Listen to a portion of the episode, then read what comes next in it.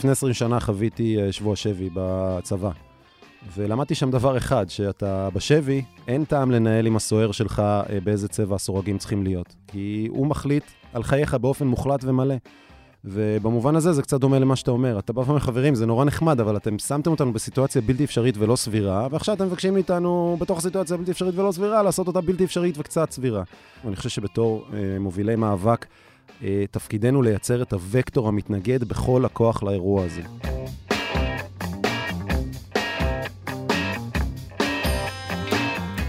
ברוכים הבאים למרקרים, פודקאסט סוף השבוע של דה מרקר. ההזדמנות שלכם לקחת פסק זמן ממחזור החדשות היומיומי ולצלול איתנו לאירועים, לאנשים ובעיקר לרעיונות מאחורי החדשות. כאן באולפן איתכם כמדי שבוע גיא רולניק. והשבוע איתי מורן זר קצנשטיין, מייסדת תנועת בונות אלטרנטיבה וממובילות מחאת האנשים שעלתה לכותרות החודש עם מיצג סיפורה של שפחה. שמענו בפתיח את ערן שוורץ, ממארגני המאבק נגד ההפיכה המשטרית.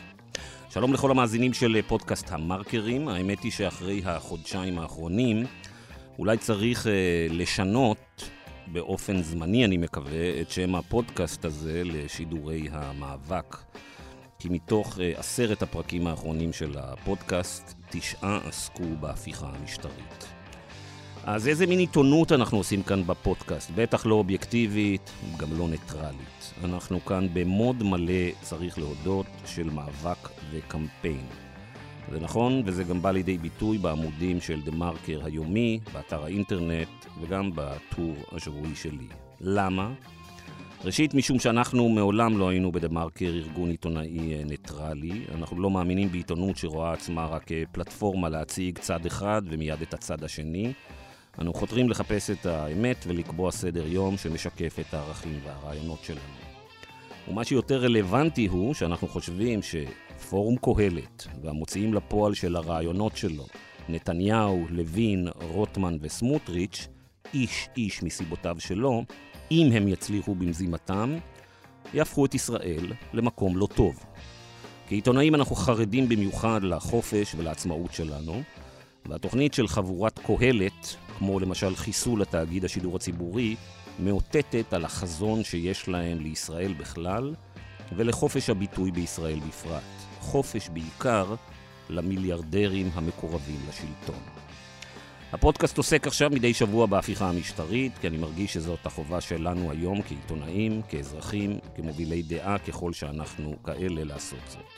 ויש עוד סיבה, אנחנו חושבים שקהלת הצליחה להוביל את המהלך הזה כי הציבור הליברלי, שלא מאמינים ברעיונות שלה, נעדר במשך שנים ארוכות, אולי עשורים, מהזירה הציבורית. רק עכשיו, כאשר להב הגיליוטינה התקרב לצוואר שלנו, אנחנו מתעוררים. והתפקיד שלנו הוא לוודא שזה לא דבר חד פעמי. להשתתפות בהפגנות, במחאה, בשיבושים, במיצגים, יש היום משקל אדיר ותרומה קריטית למאמצים לעצור את ההפיכה השלטונית. אז אם חשוב לכם לעצור אותה, נשמח כמובן אם תשתפו את הפרק הזה כמו שאר הפרקים עם מקסימום חברים, ידידים ומשפחה.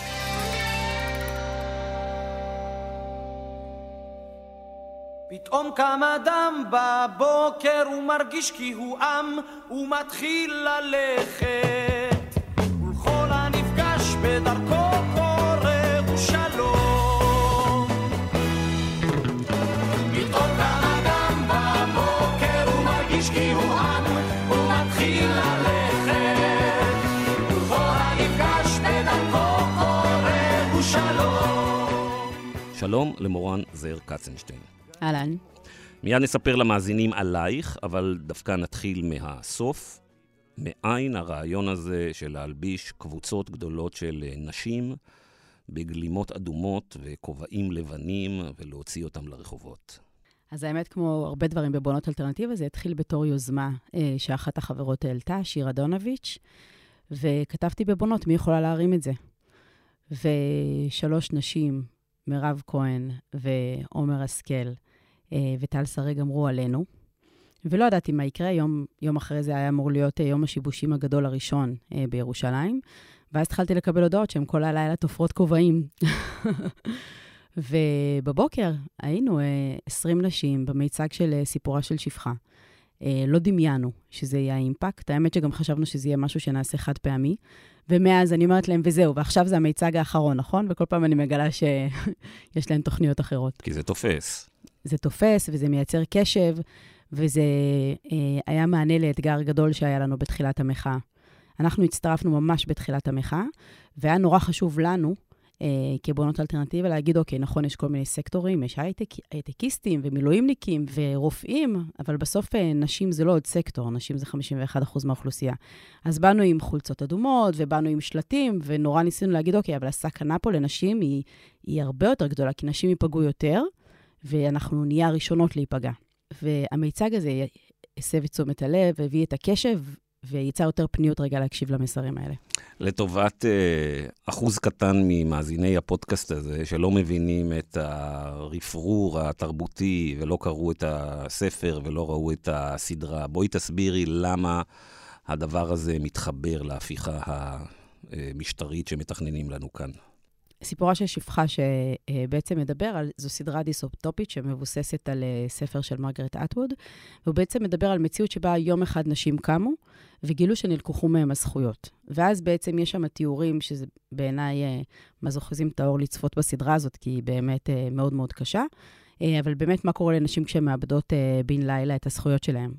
ומתואר שם אבל ההידרדרות ההדרגתית הזאת. אז שואלים אותי הרבה, מה, אתן חושבות שאתן שפחות או שפחות? לא, אנחנו לא חושבות. אבל מה שאנחנו בעצם רוצות להציב זה תמרור אדום, כי גם פה אנחנו רואות שיש הידרדרות איטית אך מתמידה בזכויות שלנו, ואנחנו לא מוכנות לדבר הזה. אז אם ההפיכה המשטרית אה, תתרחש, אנחנו מאוד מקווים שזה לא, שזה לא יקרה, האם פגיעה בנשים, לדעתך, היא בראש אה, סדר היום של החבורה אה, שמובילה את ההפיכה הזאת? אה, שמסתכלים על רובם, לא על כולם, זה נראה שזה בעיקר קבוצה של אנשים שאחד, רוצים להישאר בשלטון, שתיים, רוצים לבזוז כמה שיותר תקציבים, למנות חברים ומקורבים לג'ובים בלי כל שומרי... הסף, חלקם רוצים אה, לספח את השטחים. את חושבת שנטילת אה, זכויות אה, מנשים, או פשוט לעצור את המגמה של מתן עוד זכויות לנשים, זה יהיה יעד מרכזי של החבורה הזאת? אני חושבת שהממשלה מתחלקת היום לשניים. חלק שאני לא חושבת שהוא שונא נשים, אבל הוא גם לא אקטיבי ולא עושה שום דבר כדי לעצור את זה, כמו שהוא לא עוצר הרבה דברים אחרים, אבל הם לא עומדים שם ו, ומגינים על זכויות נשים. וחלק שכן, אני חושבת שהם מרגישים שיש מבחינתם עיבוד שליטה. זה משהו שהוא אפילו מאוד אינטואיטיבי אצל חלקם בבטן, זאת אומרת, הם מרגישים שהשליטה ניטלת מהם. אה, ואנחנו רואים את זה בזה שכבר בממשלה הקודמת הם עצרו הצעות חוק שהם הרגישו שיכולות להיות בעייתיות, כמו למשל, מבחינתם, כמו למשל אה, אה, אלימות כלכלית, שזה משהו שהם הרגישו שהוא לא נכון, זאת אומרת, הרי מה בעצם, נש... מה המשמעות של נשים עצמאיות כלכלית? אישה שהיא עצמאית כלכלית יכולה לקום בכל רגע ולעזוב את הבית, היא לא תלויה בבן זוג שלה. וזו רק דוגמה אחת. וכן, אני חושבת שיש שם אה, חבורה של גברים שבוודאות טובת הנשים לא עומדת לנגד עיניהן, ואני חושבת שתפיסות שלהם הן מיזוגניות וחשוכות, והם אפילו לא מסתירים את זה. אני יכולה רגע לתת לך דוגמה.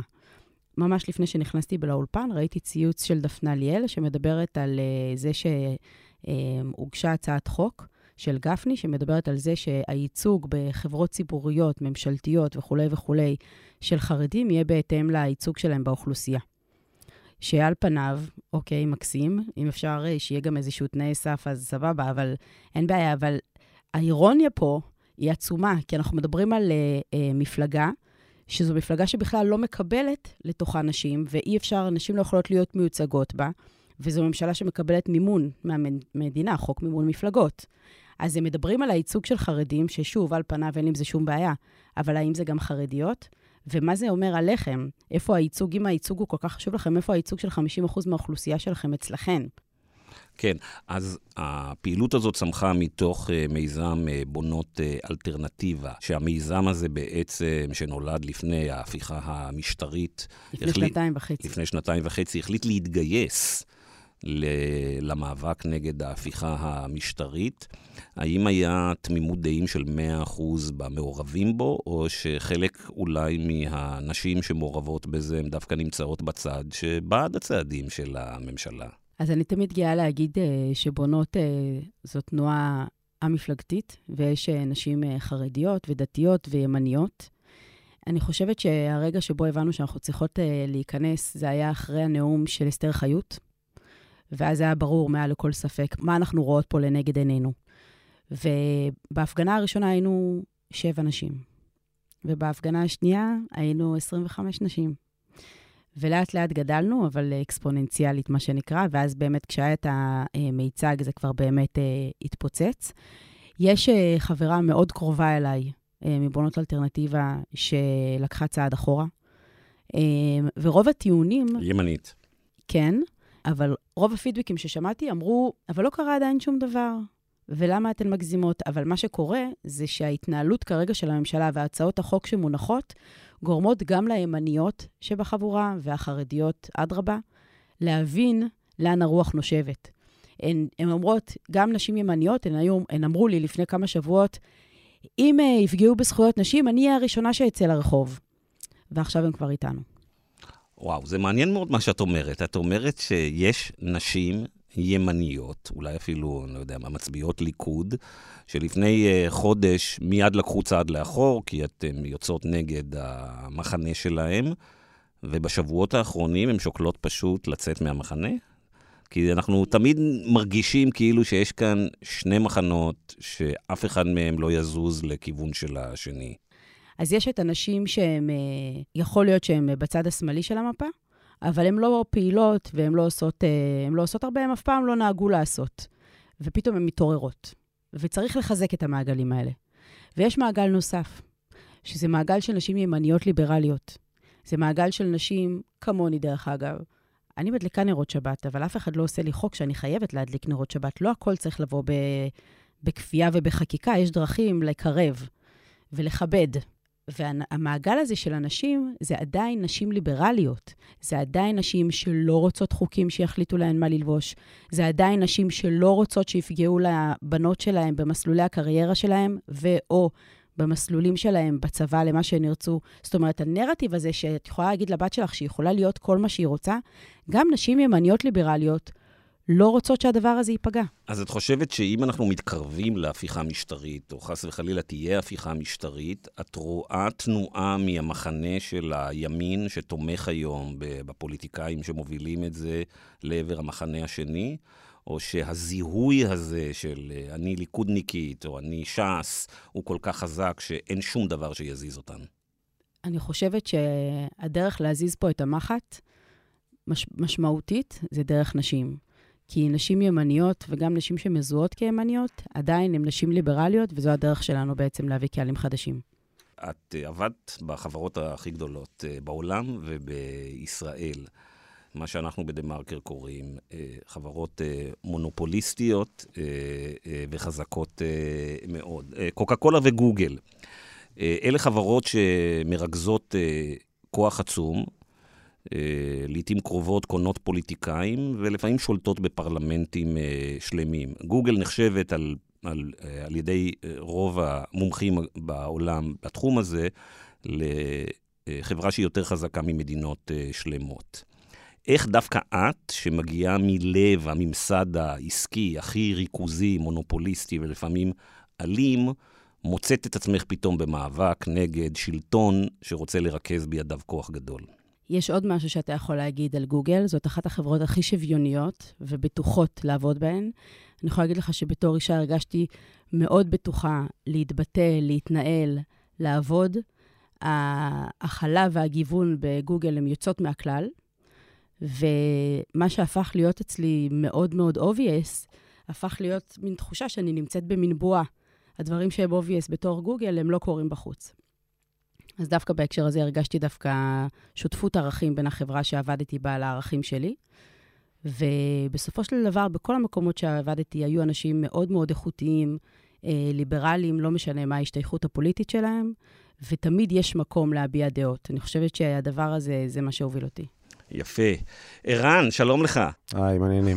מעולם לא היה טוב יותר. תכף נשמע ממך ונבין uh, מה מצבנו. Uh, כמה קבוצות, כמו הקבוצה של uh, מורן, uh, מעורבות היום במאבק? אז קודם כל חשוב להגיד שכמו מורן אין, אבל יש מאות קבוצות והתארגנויות, זה תלוי איך אתה סופר אותן, אבל גם מאות, כבר הגענו, בדיוק יצאתי מהספירה של כל ההפגנות בכל מדינת ישראל, שיש לנו כבר מעל 120 מוקדים שיהיו בשבת הקרובה. אה, ויש אה, מעל 100 ומשהו ארגונים והתארגנויות, אה, גדולים יותר, גדולים פחות, אבל מכל הסקטורים הקיימים. אז במובן הזה זה רק הולך וצומח. אתה מגלה סקטורים שלא ידעת שקיימים מרוב שאנשים רוצים להיאבק במה שקורה פה. אתה יודע מה, תן לנו כמה דוגמאות של דברים שהם אולי פחות היו במצלמות ופחות היו בעיתונים ומדליקים. מאנשי הסביבה אפילו, שבתוך המחאה, הסביבה הירוקה, שהיה דילמה של מישהו על אה, האם אה, צריך אה, לפזר שפנים בבתים של כל מיני אולי חברי כנסת מסוימים על ההתנהגות שלהם, אז ארגוני הסביבה... שפנים חיים? אני רוצה לתת דוגמה עד כמה ניהול מטה המאבק לפעמים מורכב עד רמת השפן. אי אפשר לעשות את זה לשפנים. לא, שפנים זה חיות כל כך עמודות, לשים שפנים פתאום ליד חלק מהחבר'ה שבו מובילים את ההפיכה, זה דבר איום ונורא, זה התעללות בחיות. לכן, לכן ויתרנו על הרעיון, אבל uh, יש נציגות גם לטובת השפנים אצלנו במאבק. אבל uh, לשורה התחתונה, uh, ארגונים uh, יוצאי דופן מכל הכיוונים, מכל הסקטורים. Uh, וגם האנשים uh, ממש uh, מכל הסקטורים, שזה מדהים. אם היה איזו תחושה, בטח בתחילת המחאה, שהיא אה, מחאה לבנה, גברית, אה, תל אביבית, אשכנזית, אני חושב שאנחנו כבר מזמן לא שם. אה, אנשים מבינים את זה, זאת אומרת, אנחנו פה באמת באיזו סיטואציה יוצאת דופן בתולדותיה של מדינת ישראל, ואנשים שם כדי שזה לא יקרה, לעצור את זה.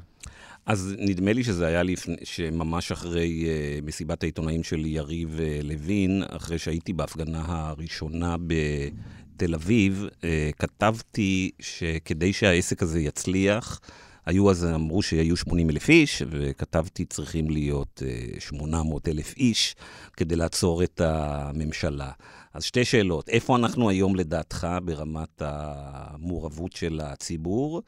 ומה הפוטנציאל שיש עוד? עוד כמה אנשים אפשר להוציא מבתיהם ולפעול בכל דרך אחרת של התנגדות אזרחית? אה, קודם כל, אני חושב שאנחנו בעיצומו של אירוע חסר תקדים במדינה. זאת אומרת, במובן הזה, אני לא זוכר, היו כאלה בעבר בישראל, אבל לא בעוצמות כאלה, בקצבים כאלה, בסדרי גודל כאלה, לאורך זמן כזה. אנחנו כבר עשרה חודשים אה, נטולי שינה, האנשים שמעורבים מתוך הדבר הזה. אה, עשרה לא, שבועות. עשרה שבועות, סליחה, כן, כמובן. לאור, לאור העובדה שיש יותר ויותר מצטרפים. כיום אני יכול להגיד ש... אה, יש אה, כמה מאות אלפי אנשים אה, קבועים. זאת אומרת, אנחנו חווים את זה גם בימי שבת, גם בימי ההתנגדות, שהפכו להיות גם סוג של רוטינה, ואנחנו מדברים על אנשים שרוצים לשמור על סדר יומם. זה לא אנשים שיש להם איזו אהבה מיוחדת למחאה או למאבק, אלא יש להם צורך. מבחינת הפוטנציאל, אני חושב שעדיין יש חלקים באוכלוסייה שמצד אחד אנחנו רואים, על פי סקרים שאנחנו מתבוננים בהם וגם מפורסמים, שמתנגדים למה שקורה באופן גורף, באופן יוצא דופן, שזה הסקטור הימני יותר והסקטור המסורתי יותר, וגם הסקטור של יוצאי ברית המועצות, אה, אבל הם עדיין לא מראים את זה ברגליים שלהם באופן מוחלט, למרות שהם איתנו, ותפקידנו גם לראות איך אנחנו מייצרים מרחב אה, ומקום שזה יקרה. זה, זה דו-צדדי. מורן, את מרגישה שיש עוד פוטנציאל גדול להוציא עוד אנשים לרחובות, או שאנחנו בשלב מסוים נגיע לאיזה פלטו כזה, שזהו, אלה האנשים שמוכנים להיות מעורבים אזרחית? השאלה איך אנחנו מגדירים מעורבות חברתית. קודם כל לצאת לרחוב במוצאי שבת. אני חושבת שיש עוד מעגלים שאפשר. אני רואה את זה במיצגים של בונות אלטרנטיבה. אנחנו מקבלים עוד ועוד פניות אה, מהפריפריה של נשים נוספות שרוצות לעשות מיצגים. פתאום ערים חדשות נפתחות, ערים בדרום, ערים בצפון, מוקדים שלא היו לנו בעבר. אז כן, יש, אה, יש עוד לאן לגדול בהיבט הזה. וכן, אני חושבת שצריך אה, להגיע לקהלים נוספים ולעבוד שם גם על הכשרת הלבבות, לא בהכרח רק כדי שיצאו לרחובות. אם אני רגע מדברת על נשים, אפרופו אה, שיחתנו על נשים ימניות או נשים דתיות, לא בהכרח מה שאני רוצה זה שהם יצאו עכשיו לרחוב, אבל יכול להיות שמה שאני רוצה זה שידברו עם חברות שלהם ועם שכנות שלהם, אולי לאתגר אותם לדבר בקהילות שלהם על מה שקורה. הדברים האלה יכולים לייצר לא פחות אימפקט. ערן, אתה רואה זליגה לתוך המחאה בשבוע, שבועיים האחרונים של אנשים שפשוט אה, מצביעים עכשיו נגד המחנה שלהם? מצביעים ברגליים, אני מתכוון. הרבה מאוד. אני גם מקבל אה, פניות אישיות שחלקן מן הסתם אני לא יכול אה, לשתף. אישיות ממש. יש לי של... ממש דוגמה. אוקיי, שוט. מהבוקר. היום אה, עם המאמן כושר שלי. או, יפה. או כן. אז היום דיברנו. ואז הוא אמר לי שהוא, הוא, עד, עד שהוא הכיר אותי, לא התעסק יותר מדי בפוליטיקה. ואז הוא אמר שהוא בדק עם חברים שלו, שהם כן אה, מצביעי ימין, מצביעי ביבי, כנהוג במקומותינו, מאיפה שאני מגיעה. אה, והוא אמר, ש... אמר שכמעט כולם מתחרטים אה, על ההצבעה שלהם, וזה הפתיע אותי. אבל הייתי פשוט באמצע... זה לא טקטיקות שיווק של מאמני כושר? אני הופתעתי שיש לך זמן לכושר, אני כן, מתחיל לקנא. כן, בין 7 ל-8 בבוקר, זה ה... אוקיי, אז יש, אז זה, זה, אתם, אתה מסכים לזה? יש זליגה? אני באופן אישי ראיתי את זה אצל זוג חברים ימנים. אה, שיש לי, שהיו מאוד מאוד אה, נגד כל המאבק, והיה לנו על זה ויכוחים לא נעימים, עד כדי אה, נתק, ופתאום בשבת האחרונה דיברתי באחת ההפגנות ברעננה, ופתאום הם סימסו לי שהם היו בהפגנה, שזה היו... חבר'ה, מה אתם בדיוק עושים בהפגנה? אתם הסברתם לי כמה שזה הכל בלוף עד לפני שבועיים-שלושה, כן. אז פתאום אני אומר, אנשים מתחילים פתאום לחשוב באיזה צד של ההיסטוריה אני נמצא, שהם כך. רואים כל כך הרבה אנשים ברחובות. יורד לאנשים מהאסימון, בקיצור, אנשים שיכולים לעשות אימפקט, שנשמעים, נקרא לזה, בצד השני. אני חושבת שאנחנו נתחיל להרגיש שדברים משתנים בקול של האנשים שהם מדברים. אוקיי, okay. אז אני אגיד לכם באמת אה, אה, מה השאלה שהכי מסקרנת אותי ורציתי הכי לדבר עליה היום. אה, בתפיסתי האישי של המציאות, כמי שמתעסק בנושאים האלה אה, הרבה שנים, אה, שאני מנתח את המצב היום, וששואלים אותי אנשים אה, מה יהיה ומה צריך לעשות וכן הלאה, אז אני אומר, תתמקדו באויב. אז אנשים אומרים לי, רגע, מי זה האויב? שנבין. אז אני אומר, אה, האויב זה נשיא המדינה יצחק הרצוג, בוז'י הרצוג, וכל האנשים שרוצים למכור לנו פשרות. וזאת למה? כי אני חושב שכל פשרה, וזה לא משנה, ויש לנו מנעד פה של אה, המון פשרות שכל פעם אה, מודלפות לעיתונים ובמסיבות עיתונאים וזה, ואומרים, עוד רגע תגיע הפשרה. אני חושב שכל פשרה, בסופו של דבר, הדבר היחיד שהיא תעשה, זה היא תכניס אותנו לתוך תהליך הסלאמי, בין אם יוותרו על 10%, על 50% או על 80%, כל דבר שיהיה עכשיו, רק יכין את הקרקע לכך שבהמשך אפשר יהיה להביא לא רק את הצעדים שראינו עכשיו, אלא צעדים הרבה יותר, הרי יריב לוין עצמו אמר שיש לו תוכניות נוספות, ו, אה, וסמוטריץ'. ולמעשה אני חושב שהיה לנו מזל אדיר. ומה המזל? שהחבר'ה עשו טעות. אה, החבורה הזאת, והם החליטו ללכת על ההתחלה, לזרוק, להכניס מיד את כל הדברים שהם רוצים לעשות, ולכן התעוררנו. אם הם היו יותר אה, מתוחכמים, או הייתה סיטואציה אחרת, הם פשוט היו אה, פורסים את זה לפרוסות, ואנחנו היינו מתעוררים בסוף שנת 2024. ומגלים שאנחנו בדיקטטורה, ואז גם הם היו שולטים בעיתונות, אז בכלל העיתונות הייתה מספרת להם שדיקטטורה זה אחלה, וזה בכלל לא דיקטטורה. אז השאלה שלי אליכם היא מאוד פשוטה, האם גם אתם חוששים מה... אה, מהדבר הזה, או שאתם חושבים שזו גישה קיצונית ואתם כן בעד uh, פשרות? איפה אתם עומדים? אולי נתחיל קודם עם מורן איתך. לא, אין מקום לפשרות. Uh, אני חושבת שגם תמיד כשיש פשרות, יש את אלה שמוכנים להתפשר עליהן, וזה בדרך כלל נשים. אז בהקשר שלנו, אנחנו גם הוצאנו ממש מכתב עם עוד ארגונים, אנחנו לא מוכנים שיהיו פשרות, כי אנחנו יודעים מה המחירים שנמצאים בצד. וכמו שאמרתי בתחילת השיחה, אנחנו לא מוכנות לתת אפילו פתח אחד קטן, כי אין לזה סוף. אז לשאלה על הפשרות זה טיפה יותר, אה, בעיניי, אה, טיפה יותר מסובך. קודם כל אני אגיד, כמי שמנהל את אה, מטה המאבק, אני מחזיק, מנסה לסייע, לתמוך במאות ארגונים שכל אחד יש לו תפיסת עולם קצת שונה. אנחנו שומעים ארגון אחד, אנחנו מכירים ארגונים אחרים, יש ארגונים שהם סקטוריאליים כלכליים גם, ויש להם דילמות ושיקולים אחרים, טובים, רעים, אפשר להתווכח על זה. אה, אז רגע, צריך להבין בכלל אה, מול מה אנחנו ניצבים כשאנחנו מדברים את השיח הזה. עכשיו, אם, אם רגע הולכים לשיח העקרוני ולא תופסים פוזיציה של כל אחד מהארגונים האלה, אה, אז באופן כללי, אני לפני 20 שנה חוויתי שבוע שבי בצבא. ולמדתי שם דבר אחד, שאתה בשבי, אין טעם לנהל עם הסוהר שלך באיזה צבע הסורגים צריכים להיות. כי הוא מחליט על חייך באופן מוחלט ומלא. ובמובן הזה זה קצת דומה למה שאתה אומר. אתה אה, אתה בא ואומר, חברים, זה נורא נחמד, אבל אתם שמתם אותנו בסיטואציה בלתי אפשרית ולא סבירה, ועכשיו אתם מבקשים מאיתנו, בתוך הסיטואציה בלתי אפשרית ולא סבירה, לעשות אותה בלתי אפשרית וקצת סבירה. ויש פה בעיה עקרונית, שעליה אני מסכים, ואני חושב שבתור אה, מובילי מאבק, אה, תפקידנו לייצר את הוקטור המתנגד בכל הכוח לאירוע הזה. יחד עם זאת, אני מכבד את המאמצים, אני לא בטוח שהם מוצלחים, אני חושב שהם עושים בעיות, אני מכבד את המאמצים שמנסים למצוא פתרונות. אני חושב שיש כמה תנאים מאוד ברורים למהם הפתרונות, וכרגע נראה לי שאף צד לא יפגוש אותם. ואם אתה רוצה, אפשר להיכנס לתנאים האלה, אבל אחד מהם והראשון שבהם זה לעצור את החקיקה המטורפת הזאת, לעצור אותה. ואם רוצים להגיע לאיזה שהם שינויים, שאגב, זה מה שמדהים אותי בכל הדברים האלה, זה מכל הבעיות שיש במדינת ישראל, למה להתרכז עכשיו בנושא המשפטי? יש עוד כל כך הרבה דברים. ואז ברור שיש פה משהו שהוא הרבה יותר בעייתי מהסיפור המשטרי, ויש פה בדיוק את אותו מהלך שאתה מתאר עליו. אגב, אנחנו מכירים איזה 124, אם אני לא טועה, 125 חוקים שונים שרוצים להכניס בתוך האירוע הזה, שזה שינוי מוחלט של הצביון של מדינת ישראל, אז ברור שהדבר הזה לא תמים.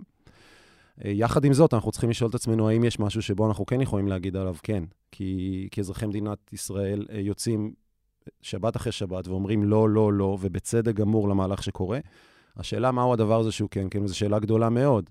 תפקידי, ותפקידנו כמחאה, להיאבק בכל הכוח בסיטואציה הזאת, אה, ולא לאפשר לשום אה, אה, שום מתווה או שום פשרה שהוא תחת איומים, ושהוא לא בהסכמה רחבה.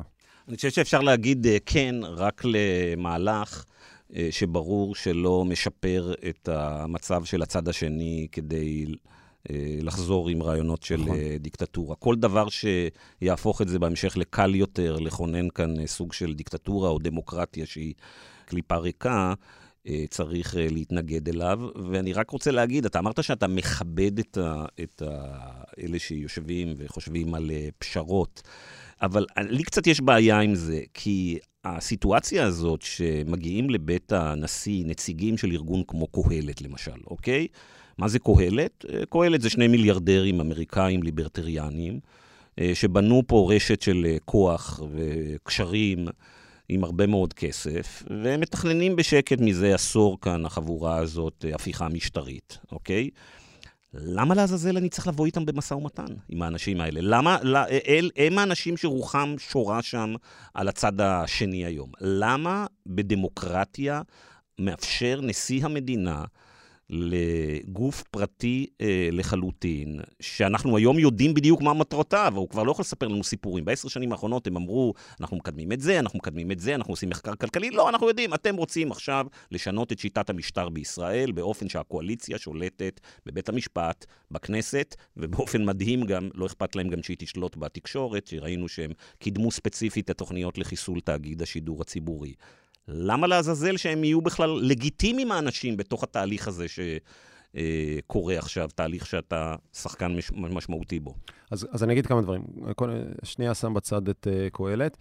Uh, מטה המאבק לא מנהל uh, שום דיון ישיר uh, מול הנשיא. Uh, בעינינו, כמו, כמו שאתה אומר, עצם הכניסה לדיון זה כבר uh, כישלון, כי הסיטואציה היא לא סבירה ולא קבילה בעינינו, ואנחנו uh, דוחים אותה על הסף. זה רגע חשוב להגיד, uh, בטח בסיטואציה הנתונה. אה, בנוגע לקהלת, אני יכול להגיד לך שהוא, אה, כמו שראית גם ביום ההתנגדות האחרון, זה אחת מהגופים שבינינו לגיטימי לבוא אליהם בביקורת משמעותית. משתדלים שזה יהיה, לא משתדלים, מנחים שזה יהיה בלתי אלים, אבל אנחנו לא שולטים בהכל.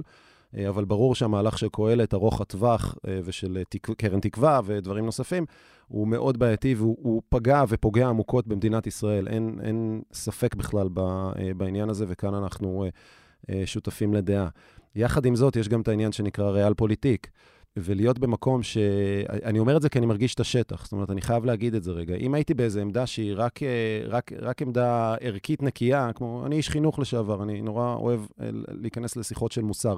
אז אם הייתי בעמדת אה, מוסר אה, נקייה כזו, אני מסכים באופן מלא עם מה שאתה אומר ונשאר שם.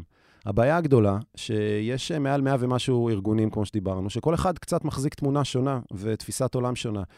אה, ואם אתה לא משתדל בצורה מאוד עדינה, חכמה, להיות שחקן משפיע באיזושהי רמה, אתה יכול למצוא את עצמך בסיטואציה הרבה יותר גרועה. ואני מעדיף אה, אה, לשפר את עמדותינו בצורה המיטבית ביותר. שוב, עם, ה, עם ההנחות שהנחנו קודם, ועם זה שאנחנו לא ניגשים. אין לך שום אה, מחויבות לייצג את כל הארגונים שהצטרפו לכאן. יכול להיות שיש ארגונים שהם לוקחים חלק בעניין הזה, אבל אה, לא אכפת להם עם כל מיני uh, פשרות, ויכול להיות אגב ארגונים שהם לוקחים חלק בעניין הזה, והם בעצם סוסים טרויאנים.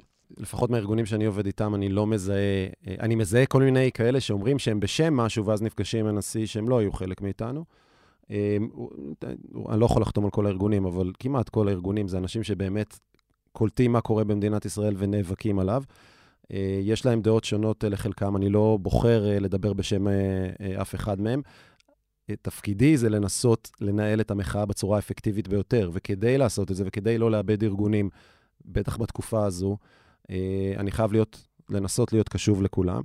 אמרת על ריאל פוליטיק, אני אה, חשבתי שדווקא ארגוני גרס רוט ודווקא מחאה ומאבק, החלק שלהם בתוך ה ecosystem הזה של, אה, של סיטואציות כמו שאנחנו נמצאים עכשיו, הוא שהם לא עושים את שיקולי הריאל פוליטיק. את שיקולי הריאל פוליטיק אנחנו משאירים לפוליטיקאים.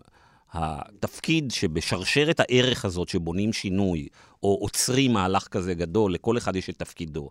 פוליטיקאים תפקידם לעשות ריאל פוליטיק, הרחוב הוא צריך להיות כמו שאתה אמרת, נקי וערכי 100%, לדעתי לפחות. אז, אז במובן הזה, אני, אולי זה מחזיר אותי למה ש, שניסיתי לומר, אה, מה שאמרתי לפחות בהתחלה. אה, אנחנו אה, משמרים את הוקטור הכי, הכי רחוק שאפשר מהמהלכים שקורים, והכי חזק שאפשר, ואני חושב שאגב, המאבק הזה הוא יוצא דופן בהצלחה שלו, במובן הזה שלוקחים אותה, אני רואה כמה לוקחים אותנו בחשבון. אותנו, זה אני אומר, את כל הארגונים המדהימים האלה שעושים משהו. אני חושב שזה הדבר הראשון שגרם לצד השני למצמץ. ברור, אין שום דבר אחר חוץ מזה. אז, לא, אחלה. אז אני אומר, במובן הזה, אה, אנחנו חזק... בוא נבין. חוץ ממה שקורה היום ברחובות, הם לא סופרים שום דבר, נכון. אין להם שום עניין. חד משמעית. הם היו שמחים ללכת, כל אחד. נתניהו רוצה לא ללכת לכלא, אה, סמוטריץ' רוצה את הסיפוח. אה, רוטמן רוצה את המשיחיות שלו, שהוא חולם עליה כבר 20 שנה, ואריה דרעי רוצה לחזור לשולחן הממשלה. אה, החבורה הזאת, אנחנו יודעים בדיוק מה היא רוצה, והדבר היחיד שיעמוד בדרכם, בסופו של דבר, זה 100, 200, 300, 400, 500 אלף איש, או מיליון איש שיצאו לרחובות. That's it. נשארו פה רק האזרחים. כל שאר כוחות ההתנגדות שקיימים בדמוקרטיה לא קיימים. האופוזיציה לא מתפקדת וחלשה. העיתונות, חלקה בכלל, הכשירה את הלבבות והכינה אותנו לדברים האלה. ארגוני העובדים הודיעו שהם לא הולכים להיכנס. הרשויות נשארנו, לא שם. הרשויות, נשארנו רק אנחנו, האנשים ברחובות. אני מסכים איתך באופן מוחלט, ואני חושב שזה מדהים, העמידות של האנשים האלה, כי באמת, אני לא יודע אם לא רואים בפודקאסט העיניים שלי, אבל אני על ארבע שעות שינה ליליות כבר אה, שבועות רבים. אני נראות סבבה בעיניים שלך. אז, אני, אז אני יכול לחתוך עוד שעה. אני לא יודע איך הן נראות ש, שאתה, לא, שאתה ישן, אבל הן נראות סבבה. אז, כן. אבל אני אגיד ש, שכמוני, באמת אלפים שהם ההארדקור, הפעילים, פעילים, פעילים, שכל היום סביב, סביב לשעון, אין לנו דברים אחרים, סביב לשעון נאבקים לטובת הדבר הזה. במובן הזה, אה, זה באמת אירוע יוצא דופן, ואנחנו אה, עמוק בתוך, ה, עמוק בתוך ההתנגדות הזאת ונחריף אותה. אה, יחד עם זאת, בפוזיציה הספציפית שאני נמצא בה, בעל כורחי אני מוצא את עצמי צריך לגשר שאלות מכל הכיוונים. ובמובן הזה אני הכנסתי את המושג ששאלת קודם, וזה זה, זה, זה טנגו מאוד מורכב. תראה, אז אני, שואלים אותי כל הזמן אה, אנשים, אני אגיד לך מה התשובה שלי, שואלים אותי מה בעצם התפקיד של ההפגנות ושל האנשים ברחובות, אז אני אומר, אה, אנחנו דוהרים אה, למשבר חוקתי. וזה אומר הדבר הבא, שיגיע הרגע שבו החוקים האלה עוברים, ואז יהיו בג"צים. ואז הממשלה תגיד, בג"ץ לא רלוונטי יותר anymore, בגלל שכרגע העברנו חוקים שבעצם בג"ץ לא יכול לפסול את המהלכים שלנו. ואז אנחנו, מגיעים ל... אנחנו מגיעים לרגע חסר תקדים בישראל, והוא חסר תקדים ברוב הדמוקרטיות בעולם, אה, שבו אה, המשטרה והשב"כ והמוסד וצה"ל צריכים להחליט ממי הם מקבלים את ההוראות שלהם.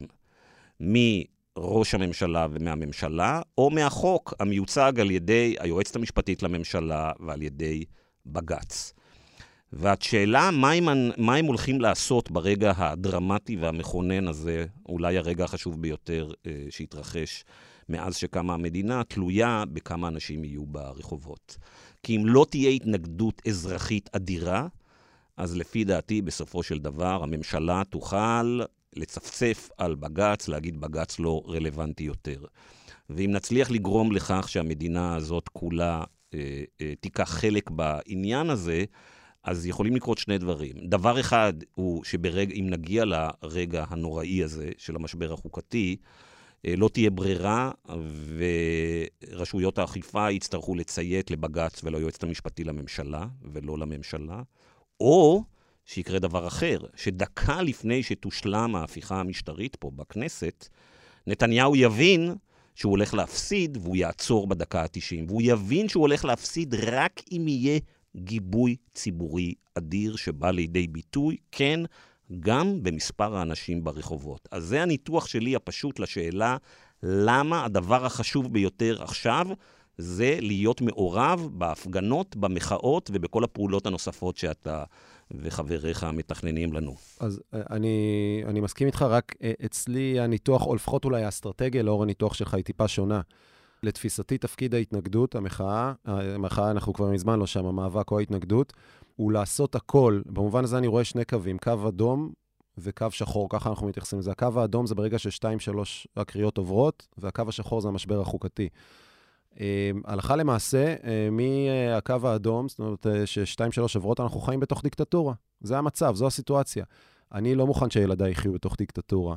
אני חושב שרוב האנשים במאבק לא מוכנים שהילדים שלהם יחיו בתוך דיקטטורה, ולכן, למרות שזה לא אינטואיטיבי לרוב אזרחי מדינת ישראל, אבל שם אנחנו מנסים לכוון בשיחות שלנו, בעבודה שלנו, זה שה... מרכז המאבק והכובד יהיה לפני שנייה שלישית, ואנחנו נעשה הכל כדי ששנייה שלישית לא תעבור, הכל בהתאם אה, אה, למגבלות של מאבק בלתי אלים.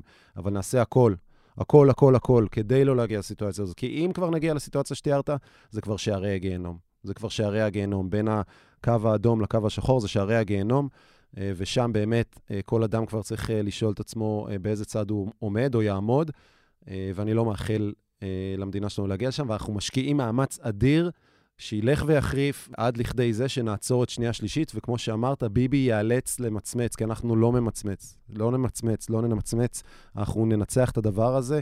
זה אירוע חריג בתולדות המדינה, אבל אנחנו יודעים שאנחנו בצד הנכון. אם כל, כל השנים מדברים על צדקת הדרך, הפעם צדקת הדרך היא ברורה גם לנו, ואנחנו לא נשחרר שם. חס וחלילה, הקו האדום נופל, זה כבר אירוע אחר, ופה באמת גם נדרשת אה, עבודה וגיבוי של אותם אנשים שהזכרת. נשמע מהקולות אה, אה, וממה שאני יודע, גם מחדרים יותר פנימיים, שהם מבינים טוב מאוד באיזה צד הם צריכים להיות. אני מדבר על ראשי המוסדות במדינת ישראל הרלוונטיים.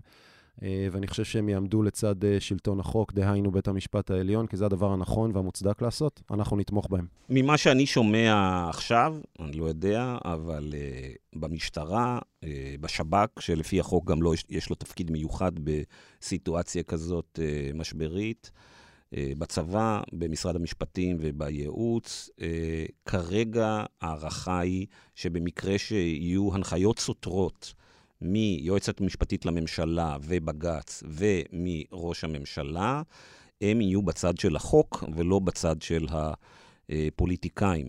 ואני חושב שככל שיש יותר אנשים ברחובות, יהיה להם יותר קל לקבל את ההחלטה הסופר קשה הזאת. צריך כמובן להבין שאם נגיע לרגע הזה, זה רגע נוראי. כי ברגע שבו חס וחלילה רשויות אכיפת החוק בישראל הן בעצם נאלצות אה, לא לקבל החלטות של אה, ממשלה, אה, גם אם זה לכאורה ניצחון זמני של מי שרצה לעצור את ההפיכה והדיקטטורה, זה מכניס את ישראל למעמד של בעצם סוג של רפובליקה, אם יש לה מין כזה כתם של רפובליקת בננות. אנחנו לא רוצים להיות אי פעם במצב שמשטרה, צבא ושב"כ מצילים צריך, אותנו. מצילים אותנו מידי השלטון. אה, בואו רגע נסתכל על הדברים האלה קצת יותר אה, מלמעלה, על כל מה שקורה עכשיו ברחובות. אה, אני מנסה לתאר את מה שאנחנו רואים בחודש האחרון. בהסתכלות ארוכת טווח והיסטורית, בעצם שהמחנה הליברלי והדמוקרטי בישראל, שלא היה מעורב אזרחית ופוליטית בצורה משמעותית 20, 30, 40, 50 שנה, והשאיר את השטח לפוליטיקאים ולקבוצות הרבה יותר נחושות, בעיקר מהימין, אה, ואמר לעצמו, אה, ah, אני לא מתעניין בפוליטיקה.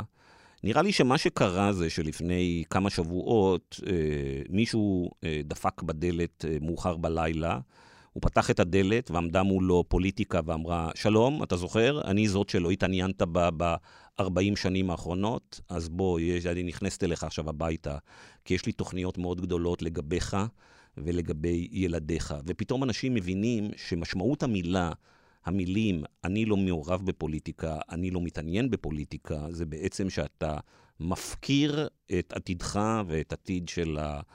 המשפחה שלך, של החברים שלך ושל אולי של המדינה.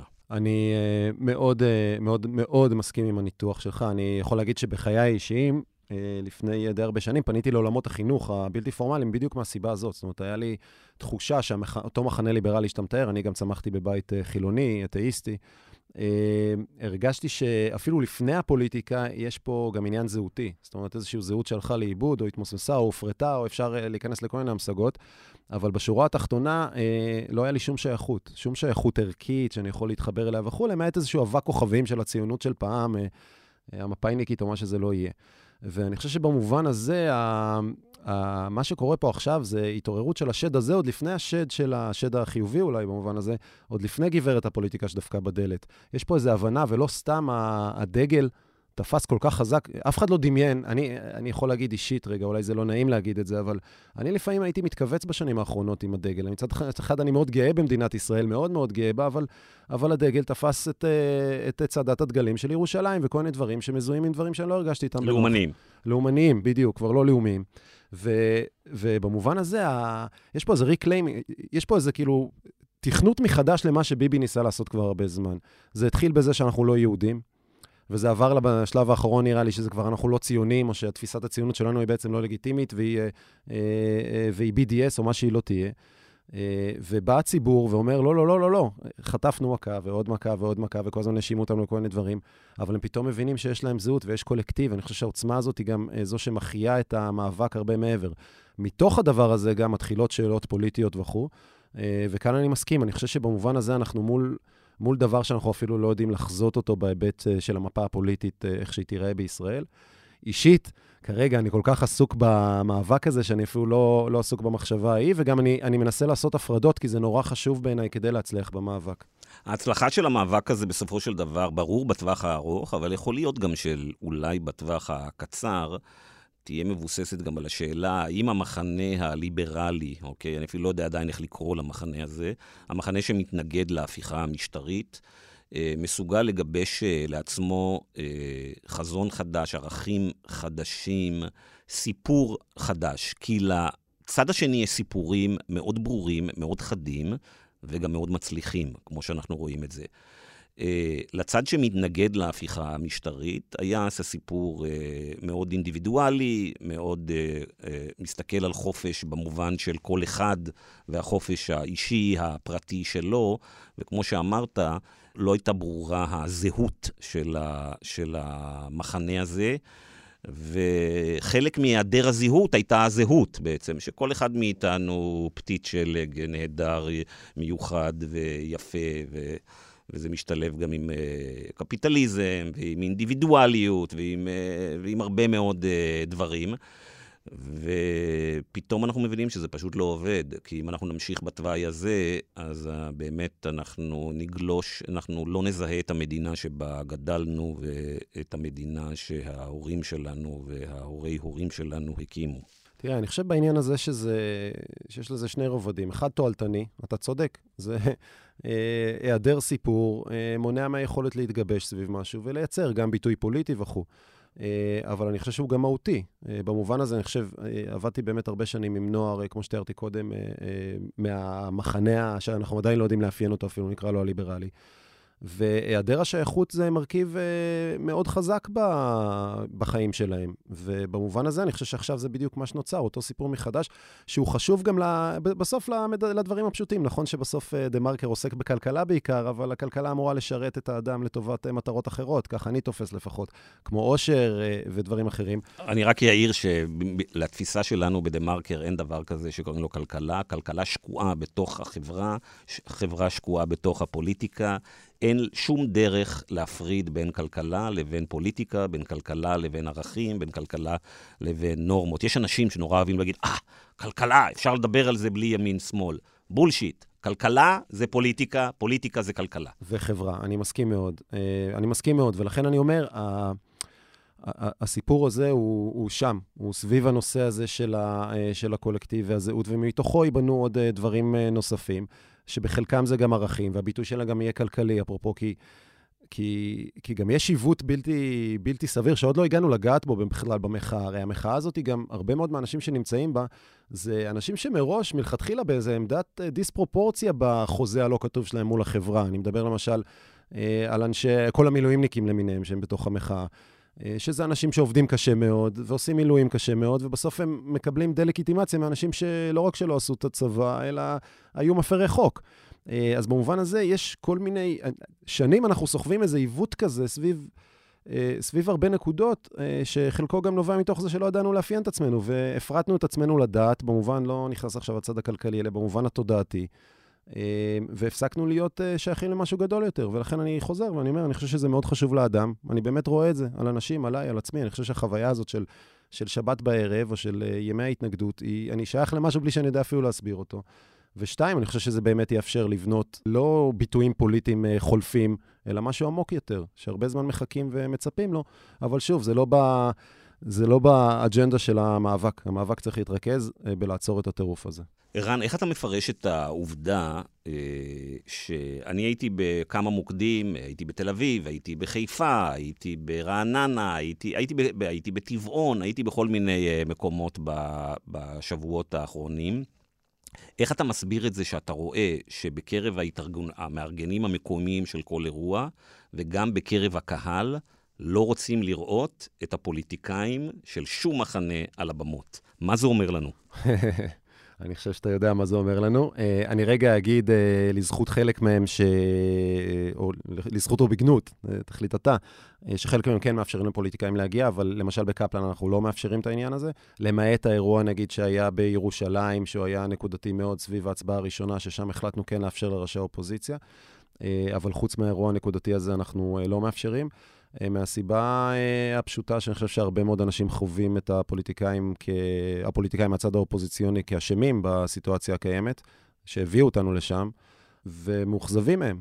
אה, ובמובן הזה אין עניין רגע לטמא, במרכאות, את, את הדבר הכל כך טהור והיפה הזה, שזו הצמיחה האזרחית המדהימה הזאת בתוך זה. לא, אני חושב שזה דבר פנטסטי מהרבה מאוד היבטים. קודם כל, זה סיגנל לפוליטיקאים באופוזיציה.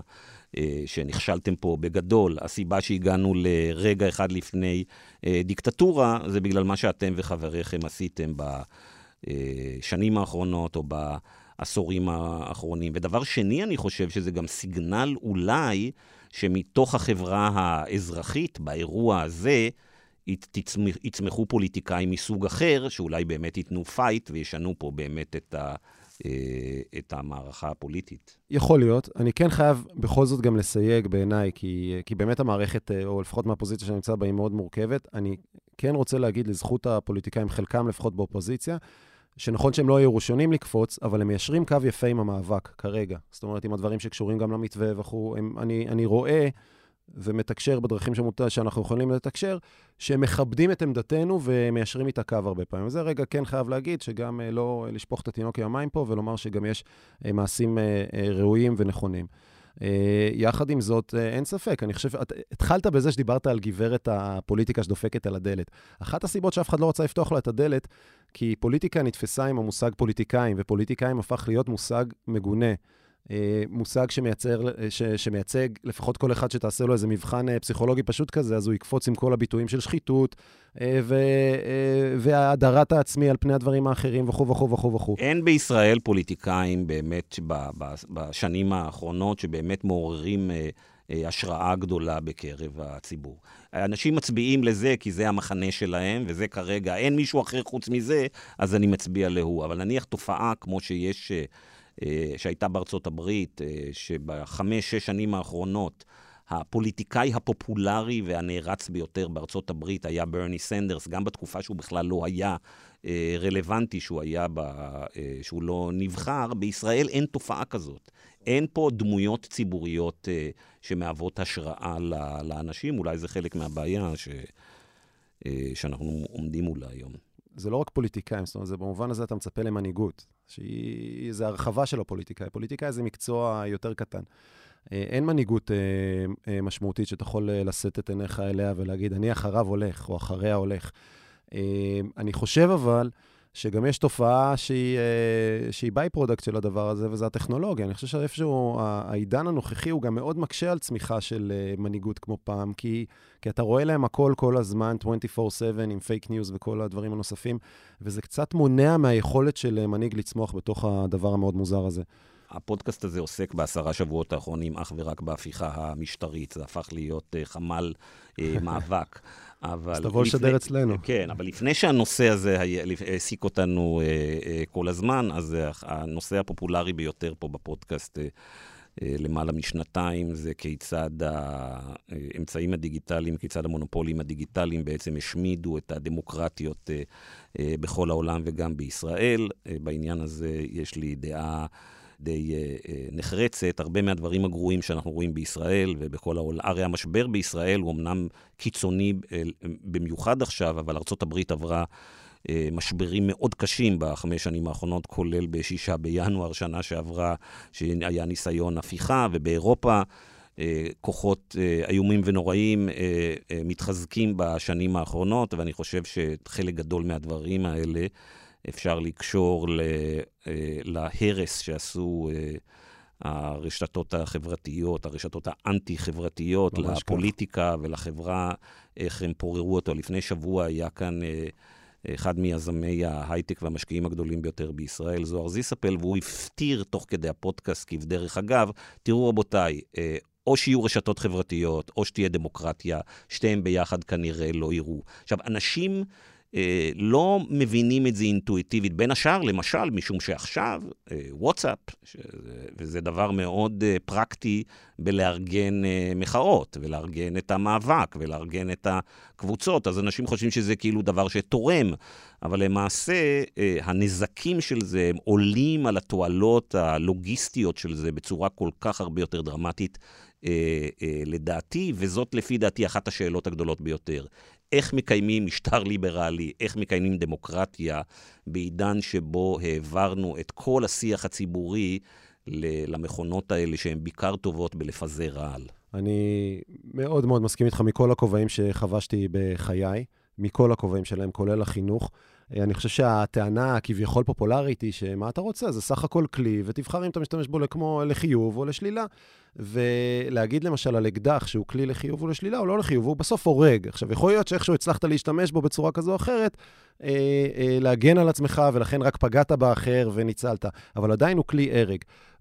במובן הזה אני חושב שהרשתות החברתיות הן, אה, הן באמת אה, מייצרים, אה, מעבר לפגיעה גם ביכולת לנהל דמוקרטיה ופוליטיקה, הם, הם פוגעים בנפש האדם ברמה הבסיסית ביותר שלו. וזה אירוע שהוא מאוד מאוד מטריד, ואין לנו שום, אני לא יודע מה עמדתך על רגולציה בעניין הזה, אבל אם מדברים על מנהיגות רגע והסתכלות רחבה, אני חושב שאנחנו גם צריכים לשאול את עצמנו מה תפקידנו בתוך הדבר הזה שמאפשר ואינו מאפשר, כלפי ילדים, כלפי נוער.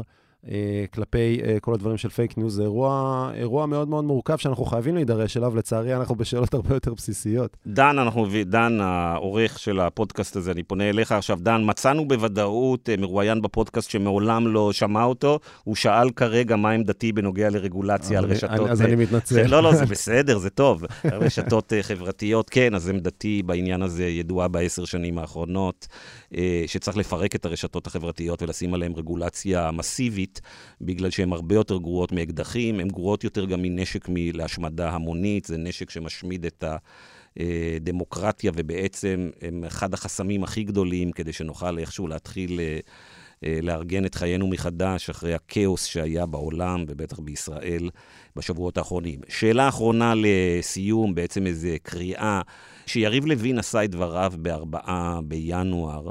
אני, נפל עליי פחד מאוד גדול. הפחד הזה התחיל עוד הרבה קודם לזה, שגיליתי אה, בחודשים, בשנים האחרונות, את ה... אה, עבודת הגרסרות העמוקה שעשתה פה קהלת במשך שנים להכשיר את הלבבות בישראל אה, לשינוי שיטת המשטר, לאימוץ אה, כלכלה קפיטליסטית, קיצונית, ניאו-ליברלית, ליברטריאנית, איך הם השתלטו על הציונות הדתית, ואיך הם השתלטו על חלקים כל כך גדולים, ואחר כך, ואחר כך איך הם השתלטו על איילת שקד ונפתלי בנט, ועכשיו איך הם השתלטו על הליכוד, ואני ראיתי פשוט את התהליך הזה, וזה הגיע לשיאו בארבעה בינואר, והאמת היא שבמהלך חודש ינואר אני הרגשתי שזהו, זה הסוף.